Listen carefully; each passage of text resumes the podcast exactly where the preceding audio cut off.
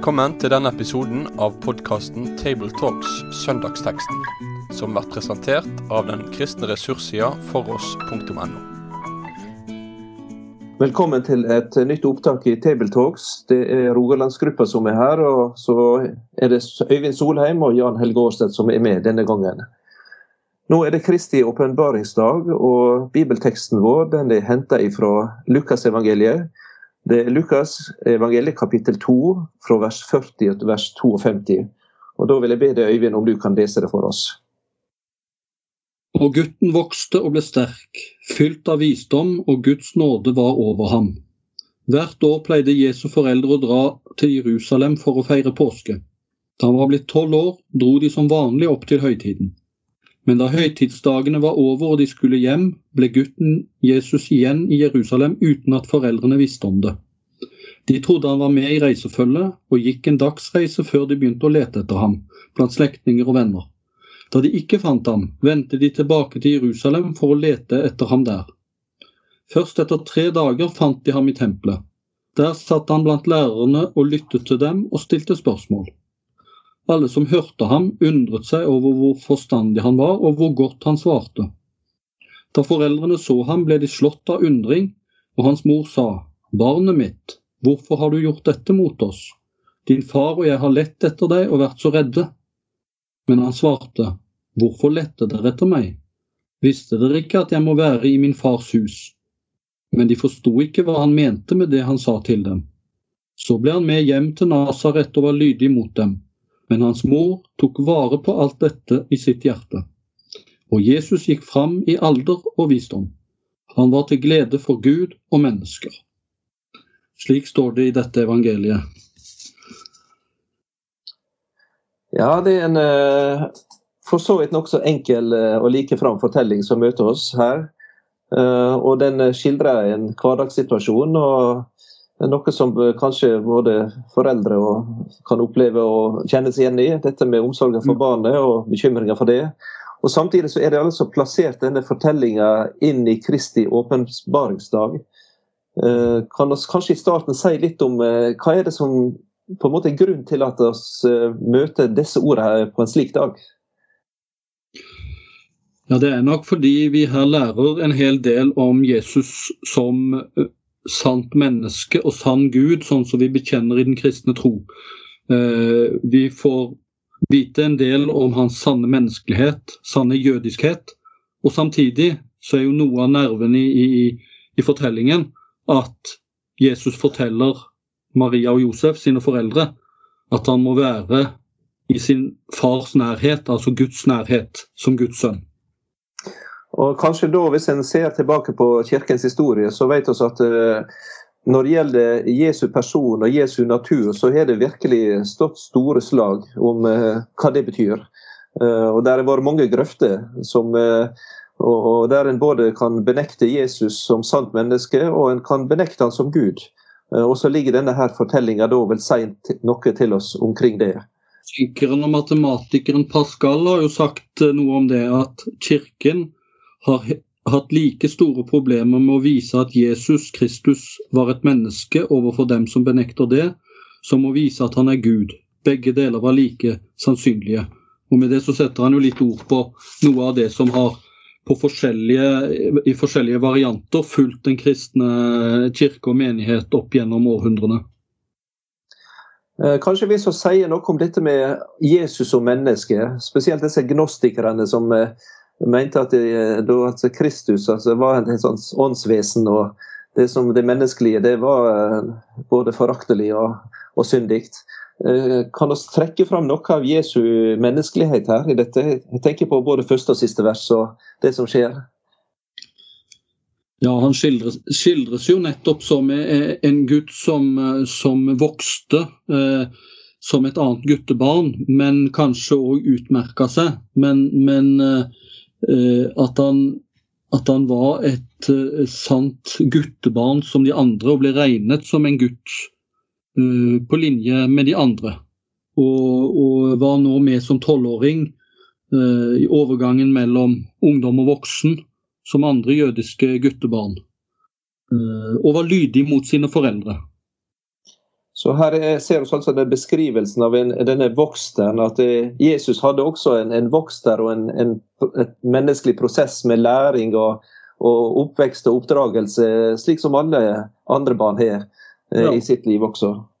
Ja, altså de, de som opplevde Jesus uh, i sin samtid i Nasaret og Jerusalem, uh, særlig Maria og Josef, uh, de måtte jo følge og se Jesus, at han måtte lære seg å si de første ordene. Lære seg å få ordforråd, snakke på arameisk, kanskje etter hvert på hebraisk òg. Eh, lære seg grammatikken. Eh, kunne uttrykke seg, samtidig som han lærte seg å gå, etter hvert å mestre et håndverk sammen med faren sin, som bygningsmann, som snekker. Og etter hvert, når Jesus begynner å snakke om seg selv som Messias, som Guds sønn og sånne ting, så spør jo folk seg ja, men er ikke dette Jesus sønn av tømmermannen Josef, altså fra Nasaret. Altså, de forundra seg. Er, de, de, de, erfarte han som et sant menneske, de som var der. Eh, og mot gnostikerne, som på en måte eh, prøvde å gi inntrykk av at han var et skinnmenneske. Og de apokryfe evangeliene, altså ikke de kanoniske evangeliene, har jo mye mer fantasier rundt at Jesus uh, drev med mirakler og, og, og, og juksa og altså brukte så å si guddommelig makt. Eh, ikke som andre guttebarn, på en måte. At han var på en måte som en mirakelgutt. Men det ser du ikke her i Lukasevangeliet.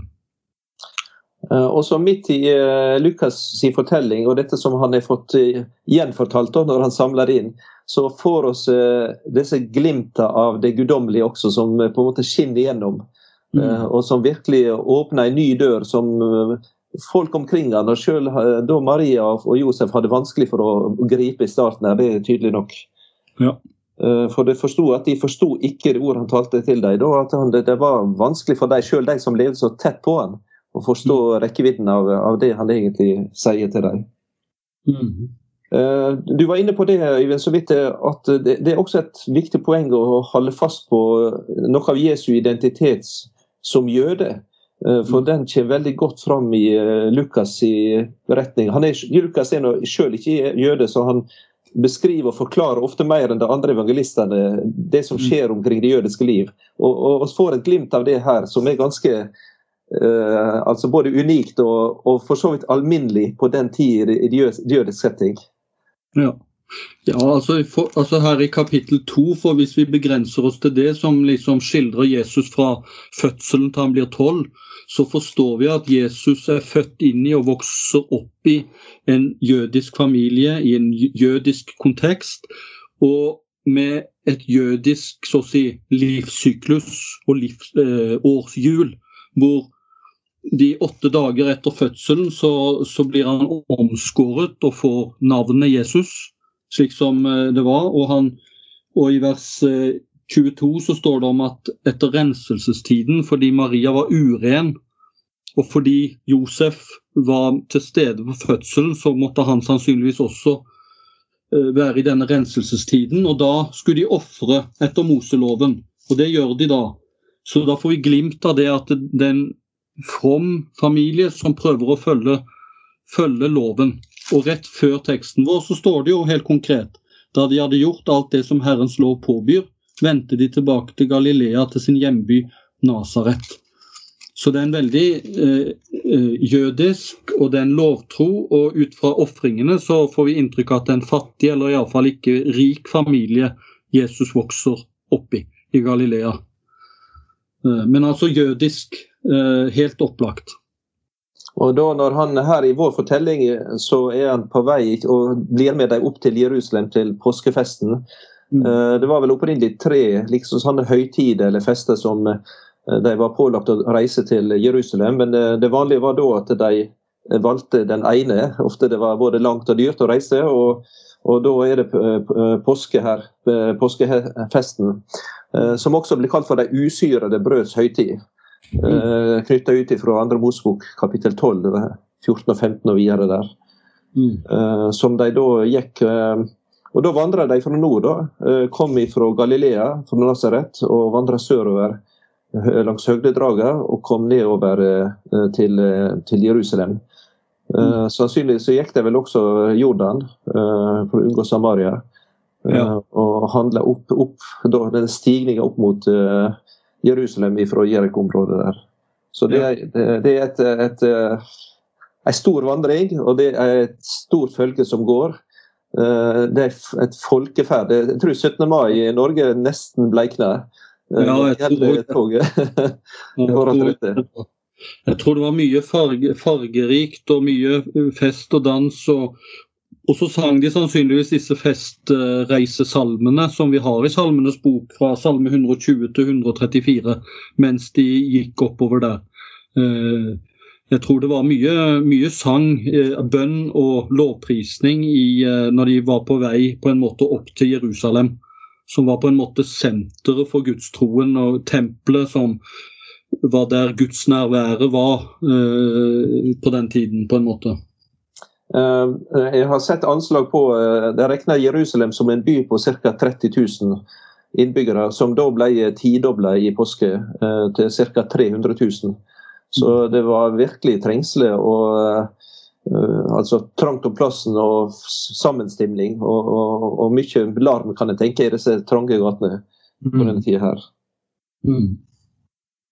Eh, når det gjelder Jesus' alder, da han var tolv år gammel, det er nå en alder som uh, i det jødiske liv er på en måte som en litt sånn uh, en skillevei, hvis en kan kalle det som en konfirmasjonsalder. Mm. Fram til i dag så har nå en jødisk sammenheng dette som blir kalt for bar mitzvah og bat mitzvah. dette med, med budets datter og sønn og en offentlig markering. Mm. Jeg har nå sjøl vært på Tempelplassen og ved, ved, ved muren der og sett eh, på det. Og, og når disse jentene og gutter er adskilt også, på hver sin side, og når en da sønnen løfter loven, tåra, eh, opp og leser høyt, da fikk jeg se bestefedrene gråte så tårene trilla. Mm. så det var liksom et høytidelig Eh, øyeblikk, og et stort øyeblikk for dem når, når, gutten eller dattera for første gang eh, liksom løfter fram bekjennelsen av loven. Ja. Mm, og Det er den alderen som Jesus da er i her, eh, ja. også, som, som møter her. Ja. Og På en måte så er det jo en barndomsfortelling, og på en måte så er det egentlig i den jødiske konteksten på den tiden at Jesus er på terskelen til voksenlivet, til myndighetsalder. Altså fordi når de var 13 år, så, så ble de ansvarliggjort i forhold til loven og i forhold til voksenlivet. Eh, så på en måte så var det Vår myndighetsalder er jo 18 i Norge. Men eh, det kan virke som at på en måte det var 13 år, eller på rundt 12-13 år, at de ble ansvarliggjort som Så dette er en overgangsfortelling på en måte hvor Jesus stiger inn på en måte i ansvarslivet, voksenlivet, på, et vis. da. Så i Lukas 2 har du på en måte fra fødsel til han på en måte blir eh, den ansvarlige lovens sønn, da, som er forløper til dette med bar mitzvah. Så Ja, og så eh, opplever de kanskje noe av det som er, hvis vi skal kalle det alle foreldres store skrekk, men eh, det er når et barn, eh, eller sånn som her, som en tolvåring, blir borte i en slik eh, sammenheng, det, det, er dramatisk. Eh, mm. og, og dette, noe av dramaet det kan vi vel nesten føle på i, i, i, ordet som Det er vel Maria kanskje som forteller dette til Lukas. Hvor engstelig og bekymra hun egentlig ble. Ja. Ja, det skildrer på en sånn måte at uh, de fleste mener vel at nettopp noen av detaljene viser nettopp at Lukas nok, som var nøye på øyenvitnene og og eh, dokumentasjonen. At han har snakket inngående med nettopp Maria, Uh, som kapittel 1 og kapittel 2 viser i særdeleshet. da. For uh, vi, vi, aner på en måte Marias opplevelser her. en mors opplevelse av dette her. Mm. Ja, jeg, jeg, har en opplevelse sjøl av Vi var med Fjelltun bibelskole på studietur til Israel. Uh, og Der opplevde jeg å stå i trengselen i gamlebyen i Jerusalem at en student uh, tulla seg vekk. Han var sikkert opptatt med fotoapparat og et eller annet, og plutselig så var resten av gruppa gått videre. Mm. og Det ble rimelig stor oppstandelse. og Han fortalte etterpå sjøl at han var nesten på gråten i fortvilelse over over at vi var borte. og Han kjente ikke veien. og det var Folkemengden var så stor, han så ingen. og mm. Det, det gikk eh, ja, en, en, en, god halvtime, 45 minutter før han var på plass igjen.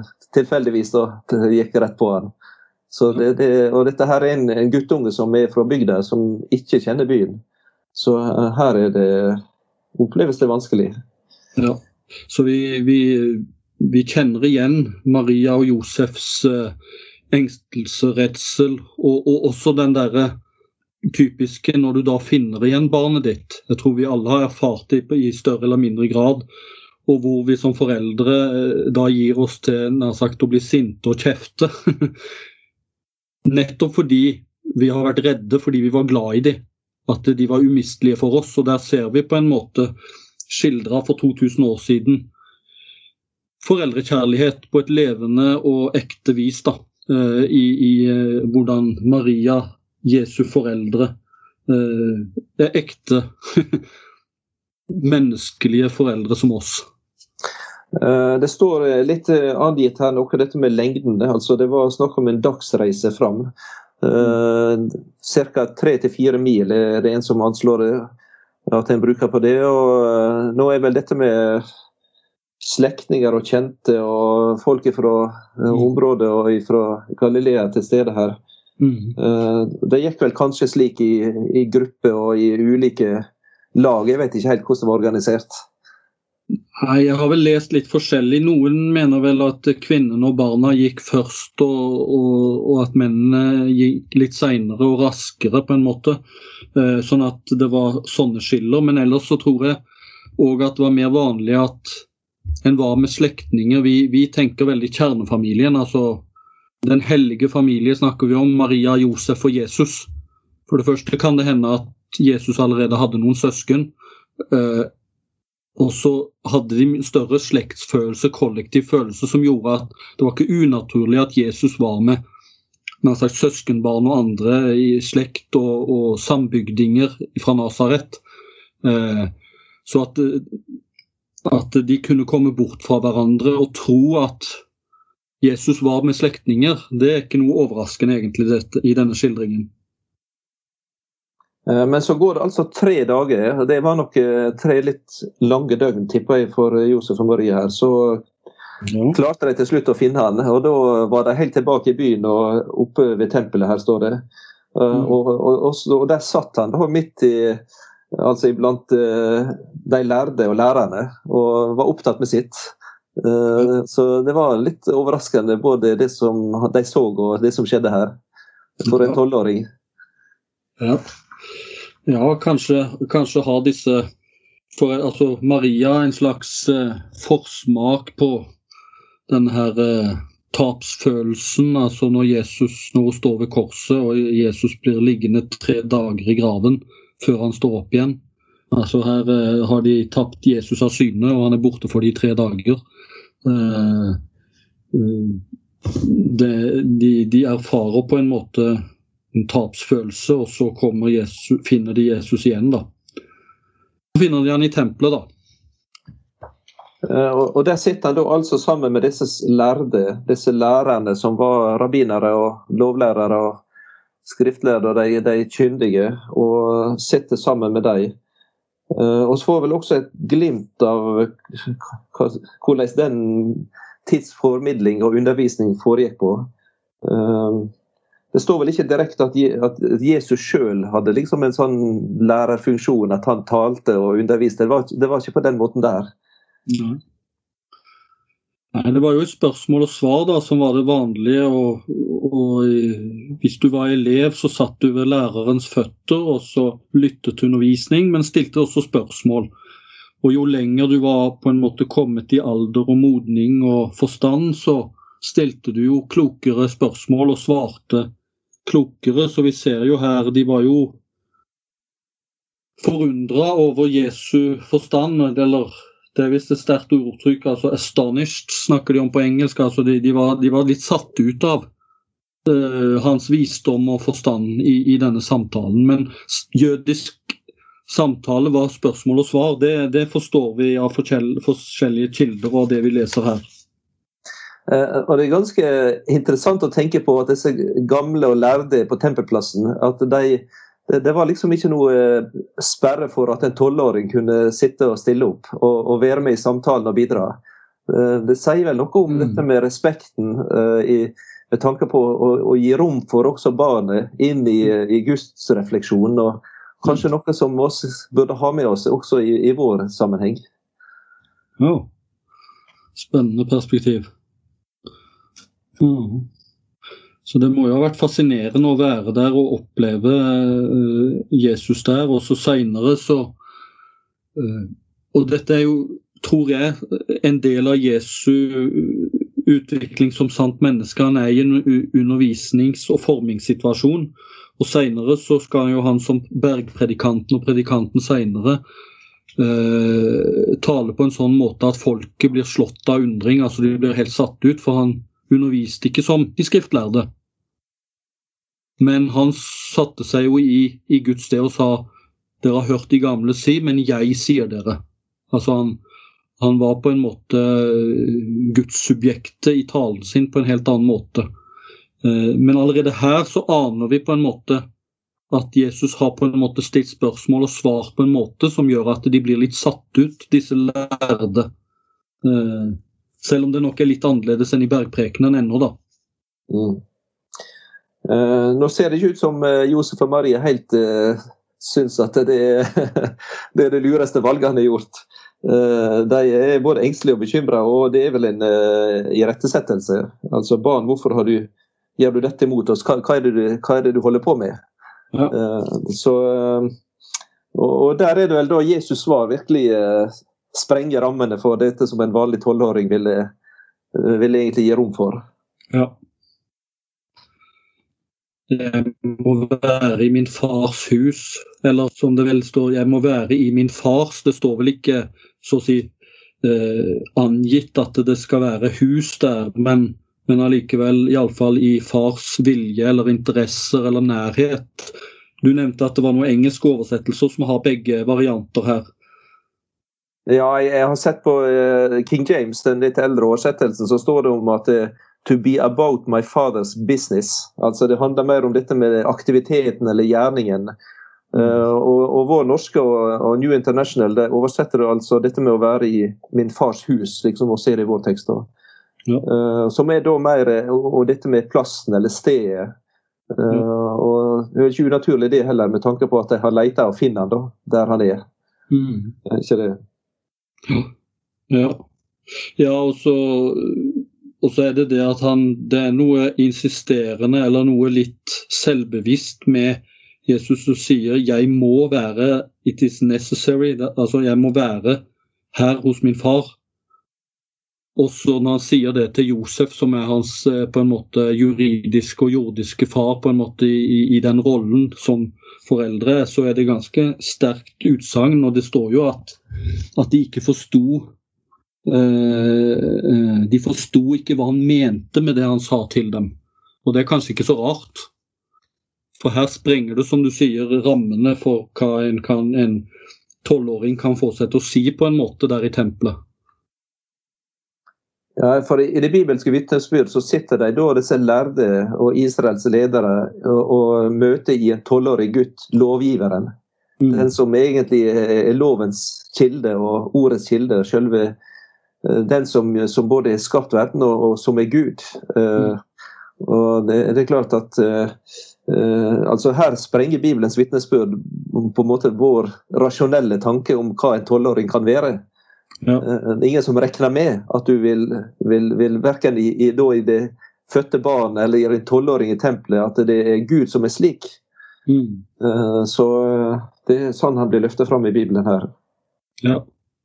Og det er jo den spenningen og mysteriet som evangeliene på forskjellige måter skildrer hvordan Jesus, som de erfarte var et sant menneske, et guttebarn som de andre, ungdom som de andre og mann etter hvert som de andre. Slik at de responderte når Jesus sa sånne ting som dette, at han må være i sin fars hus, at han var Guds sønn eller Messias eller, eller slike ting, så, så fikk, kom det stadig motspørsmål om at ja, men han er jo uh, Josefs sønn fra Nasaret. Vi kjenner jo de, altså en tømmermannssønn. Uh, og, det kom også innvendinger om at Nasaret, hva by er det? Kan det komme noe godt fra Nasaret? Galilea, sjekk i skriftene. Det kommer jo ikke noen uh, profet derfra.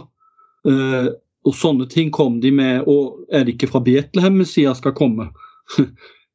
de kjente han som en fra, fra Nasaret. Sånn at det er tydelig at folk i den grad Jesus etter hvert har avslørt på en måte sin sanne guddommelighet, at han er Guds sønn, så har på en måte innvendingene vært ja, men vi kjenner han jo som et sant menneske. Og der lever Denne fortellingen er midt i dette spennet, på en måte. Og Samtidig så åpner han for oss da som tolvåring dette med farsrelasjon. At han som Guds sønn, han er den som også skal åpne veien for oss eh, inn til farsforholdet for uh, for himmelens gudskap Mm. Eh, så det er et veldig perspektiv, og det er tydelig at uh, Maria må ha tenkt mye på dette. Ja. For i Lukas så er det faktisk kommentert at dette var noe som hun gjemte i hjertet sitt, og hadde grunner å tenke på i, mye i etterkant på det som skjedde der. Ja, Det ble jo sagt både ved fødselen og det gjeterne fortalte, som vi minnes i julen, og så står det her etter tolv år, og det, det er jo det må ha vært underlig for Maria å følge gutten sin eh, og, og, høre også nå da Jesus si jeg må være i min fars hus eller i min fars vilje. Og I Johannesevangeliet så snakker jo Jesus mye om at jeg må gjøre min fars vilje. Så han var lydig mot sin far, men så sier også fortellingen her at han dro hjem og var lydig mot Josef og Maria òg. Så, så, så det, det, er en, det, er en, sånn fin dobbelthet her. Mm sann Gud og sant menneske. Mm. Eh, det er det som er Bibelens eh, vitnesbyrd når det gjelder personen Jesus. Ja. Og så sa du altså dette med far og dette med eh, at vi skal også få dras inn som barn i dette. Jesus er jo i tempelet på en måte i en slags overgang mellom den gamle og den nye pakt. Tempelet var gudsnærværet, altså tabernakel og tempelet i den gamle pakt. Gud var der. Og så begynner Jesus bl.a. i Johannes evangeliet å snakke om at han skal rive bygget opp igjen på tre dager. Og da sier han at han, så vet vi at i Nytestamentet så dras dette videre til at, at gudsnærværet er i menigheten, som er Guds tempel. Hvor Gud er midt iblant oss. Så her blir det en sånn der eh, overgangshendelse eh, på en måte hvor Jesus er i den gamle gudsnærværets sentrum. Og så er han selv den ordet som ble kjøtt og slo opp sitt telt iblant oss, sitt tabernakel iblant oss. Og er den som skal dra oss inn i som et tempel for den levende Gud. Ja, og så vet oss det at uh, en god del år seinere, denne beretninga, så, uh, så vet oss han hang der fornedra og dømt. og ånda ut, og da revner forhenget i tempelet, står det. Og dette stengselet som åpner inn til det aller helligste. Det er veien som ble åpna uh, inn til Gud, som, så at han ble også vår far uh, gjennom det som Sønnen gjorde og ga for oss. Og så er det jo, jeg synes jo det er et nydelig uttrykk som står at Jesus eh, var til glede for Gud og mennesker. Og det på en måte for meg oppsummere det litt av, av, av, eh, av, eh, Jesu liv. Han var til glede for sin far. Eh, og så har han med hele sitt liv og med alt han har gjort, gitt livet sitt og, og alt, så har han vært til glede for oss. Mens her er det på en måte på det helt jordnære plan at han var til glede for både Maria og Josef og naboene i Nasaret når de dro hjem, og for Gud i himmelen. Eh, men et nydelig uttrykk, syns jeg, om Jesus. Til glede for både Gud og mennesker. Med det sier vi takk for følget for denne gang. Finn flere ressurser, og vær gjerne med å støtte oss på foross.no.